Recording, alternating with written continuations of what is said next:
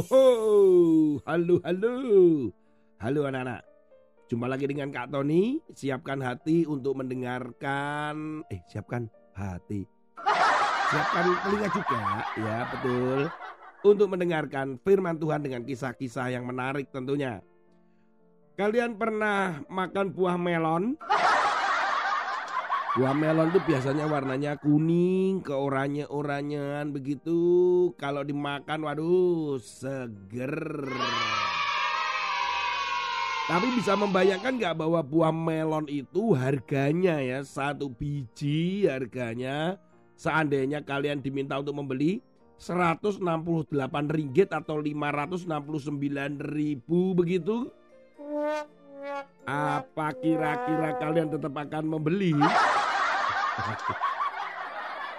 Buah melon ini memang buah melon khusus, yaitu buah melon namanya jenisnya ya, mas melon Jepang. Buah melon yang dibudidayakan di Jepang memang terkenal buah melon yang paling mahal di dunia. Rasanya katanya hmm mantap. Tetapi Kak Tony jujur ya belum pernah makan.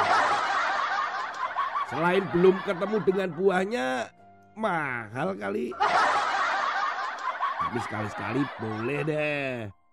Nah buah melon Jepang ini ternyata dibudidayakan di Malaysia. Tepatnya di Putrajaya, Malaysia.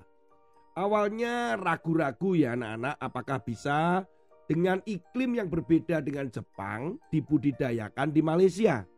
Tapi bersyukur anak-anak, Malaysia Mono Premium Melon, sebuah perusahaan budidaya melon ini ternyata berhasil anak-anak. Bagaimana sih buah melon ini bisa menjadi sangat-sangat-sangat enak dan sangat-sangat-sangat mahal? ternyata ada rahasianya, yaitu Tama Fuki. Oh, kok Tama Fuki ya? Ini kok seperti apa gitu? Oh ya memang ini bahasanya dari bahasa Jepang anak-anak namanya Tama Fuki. Apa yang dilakukan Tama Fuki itu ternyata untuk menciptakan cipta rasa yang enak, manis dan segar pada buah melon. Mereka ini melakukan usapan atau dibersihkanlah melon itu dengan lembut anak-anak. Wah wah. Dengan kain yang lembut atau sarung tangan untuk meningkatkan citra rasa daripada melon. Jadi dielus, diusap, dibersihkan. Satu-satu loh itu, satu-satu.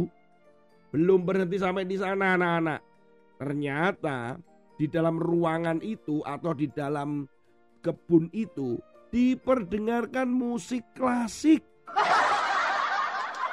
Lewat pengeras suara, musik-musik klasik itu dipercaya akan membuat pertumbuhan melon itu jadi sehat. Kalau pertumbuhannya sehat, tentunya jadi cita rasanya enak loh. Wah, wah, wah, wah. Memang teknik tamafuki ini perlu dilakukan kepada buah lain. Bisa nggak ya jeruk, semangka, pisang. Wah perlu dicoba ini ya anak-anak ya. Ternyata keberhasilan daripada Malaysia Mono Premium Melon ini tersebar ke mana-mana dan sekarang ini orang nggak perlu ke Jepang, ke Malaysia saja sudah cukup. Tepatnya di Putrajaya. Kenapa? Ada melon paling enak sekaligus paling mahal. Anak-anak, kalau diperdengarkan musik-musik itu artinya kan ada sesuatu yang keluar. Dari suara itu menjadi orang itu lebih tenang. Kalau kalian mendengarkan musik juga ada yang musik yang membuat kalian tenang juga kan? Nah, firman Tuhan hari ini diambil dalam Amsal pasal yang ke-18 ayat yang ke-6 sampai 8. Bibir orang bebal menimbulkan perbantahan dan mulutnya berseru meminta pukulan. Orang bebal dibinasakan oleh mulutnya, bibirnya adalah jerat bagi nyawanya.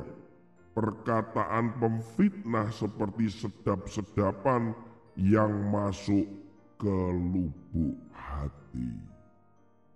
Firman Tuhan yang ada di saat ini kita baca ada tiga ayat banyak mengatakan tentang bibir, kata-kata, fitnah. Ini artinya sesuatu yang keluar dari mulut ini, keluar dari mulut ini.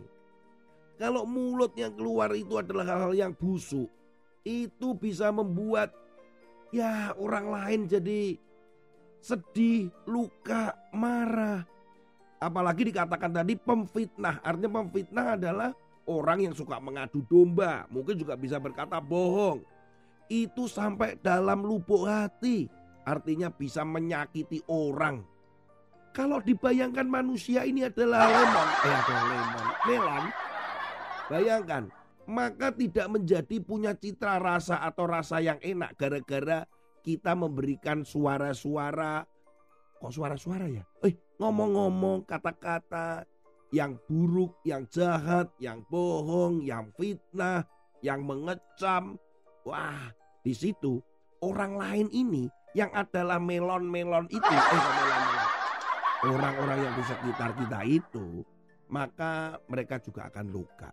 Mereka tidak bisa juga merasakan kesedapan, keenaan dari kata-kata kita dirinya juga akan menyimpan sakit hati dari perkataan kita. Ayo, kalian harus hati-hati ya dalam ngomong dengan papa mamamu, dengan temanmu, atau dengan adikmu, atau mungkin dengan asisten rumah tangga. Bisa juga dengan tetangga, atau dengan kucing. kucing. Bukan, maksudnya dengan manusia-manusia gitu. Ya, kalian harus hati-hati dan jaga. Pakailah prinsip seperti yang ada pada para petani di Malaysia Mono Premium Melon, yaitu Tama Fuki.